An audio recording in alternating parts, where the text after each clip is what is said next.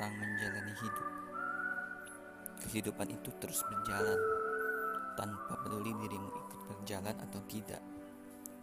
Kau tidak mampu melampaui cepatnya perjalanan kehidupan. Tetapi kehidupan bisa dengan mudah seenaknya meninggalkan dirimu. Menggerus, kemudian hancur. Jadi,